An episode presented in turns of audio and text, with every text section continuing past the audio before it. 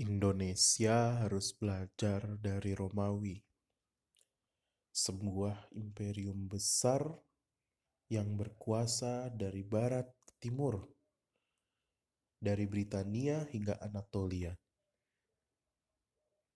Ketika banyak ragam suku bangsa dan agama berhimpun di dalam satu naungan sebuah imperium besar, hingga pada akhirnya terpecah akibat kekuasaan, keserakahan umat manusia. Indonesia harus belajar dari bangsa Romawi, sebuah imperium yang besar dengan berbagai macam suku bangsa, dengan berbagai macam agama.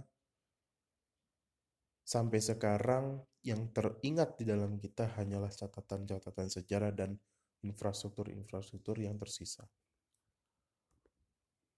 Kenapa Romawi bisa hancur lebur sedangkan kekuasaan yang meliputi banyak lautan, ribuan bangsa dan bahasa, bangsa serta berbagai macam aliran kepercayaan atau agama. Ini semua masalah ketidakadilan. Ketidakadilan pemerintah Romawi pada saat itu oleh kaisar-kaisar mereka, oleh senat-senat mereka, dan oleh pemimpin-pemimpin perang mereka. Mereka tidak bisa membawa keadilan ke kepada bangsa-bangsa yang lain. Kemudian apalagi bangsa Romawi mempunyai kebiasaan yang memberikan nama yang begitu buruk untuk bangsa-bangsa di luarnya. Perlu teman-teman ketahui di di Imperium Romawi ini banyak sekali suku bangsa. Yang pertama ada bangsa Roma sebagai penguasa.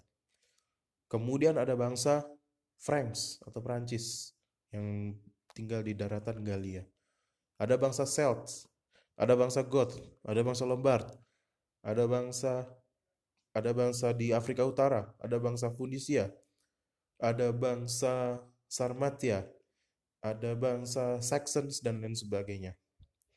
Tapi itu semua tidak mampu diberikan keadilan oleh bangsa Romawi. Hingga pada akhirnya mereka memberontak. Tapi tidak hanya itu, bukan hanya ketidakadilan yang dipertontonkan. Romawi juga melakukan penindasan-penindasan terhadap mereka dan juga ucapan-ucapan yang bernada kebencian kepada bangsa-bangsa lainnya. Padahal sudah berada di bawah satu imperium besar. Sebutan-sebutan seperti barbar itu disematkan kepada orang-orang yang jauh dari bangsa Romawi. Sebutan-sebutan orang yang tidak beradab, sebutan-sebutan orang-orang yang kotor, sebutan-sebutan orang yang seperti binatang, itu disematkan kepada mereka yang tidak bertempat tinggal di Italia atau di Romawi. Mereka dicap seperti itu karena dianggap memiliki peradaban yang lebih rendah daripada bangsa Romawi.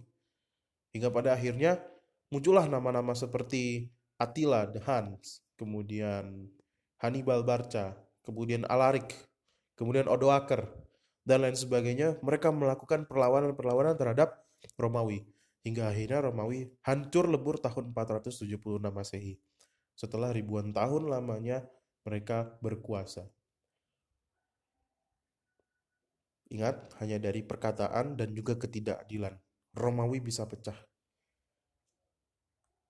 Kita sekarang melihat miris sekali rasanya ketika ada sebuah peristiwa di hari kemerdekaan Indonesia kita harusnya kita berbahagia namun kita rusak itu semua. Benar-benar kita rusak. Dengan adanya sebutan-sebutan bernada kebencian dan bernada penistaan dan penghinaan terhadap orang-orang yang berbeda. Kemarin di Malang dan di Surabaya terjadi Duh, susah saya nyebutinnya. Terjadi pengepungan. Saya ingin menyebutnya sebagai pengepungan pengepungan terhadap saudara-saudara kita orang-orang Papua. Hanya karena ada ada sesuatu hal yang sebenarnya belum belum tidak terbukti bahkan tidak terbukti Namun justru orang-orang Papua yang menjadi getahnya. Sudah sumber daya alam mereka dikeruk, mereka tidak merasakan ketidakadilan, lalu mereka dicap sebagai, mohon maaf, mereka dikata-katain, mereka dikata-katain seperti monyet dan sebagainya. Bahkan ada lagu-lagu, ada musik-musik yang men, yang menyanyikan, ada orang-orang yang menyanyikan usir Papua, usir Papua. Bagaimana mereka tidak ingin merdeka dengan seperti itu? Padahal bangsa ini, padahal Indonesia sudah dimerdekakan oleh seluruh elemen bangsa Indonesia tanpa melihat apa sukunya. Namun kenapa kita melakukan perbedaan, melakukan memperlakukan orang-orang Papua dengan begitu berbeda? Ini tidak bisa dibiarkan. Belajarlah dari Romawi yang pecah hanya karena kata-kata. Indonesia memang dibangun dengan kata-kata, dengan narasi, dengan gagasan-gagasan dan visi-visi yang besar. Namun jangan sampai Indonesia terpecah justru dengan kata-kata. Assalamualaikum warahmatullahi wabarakatuh.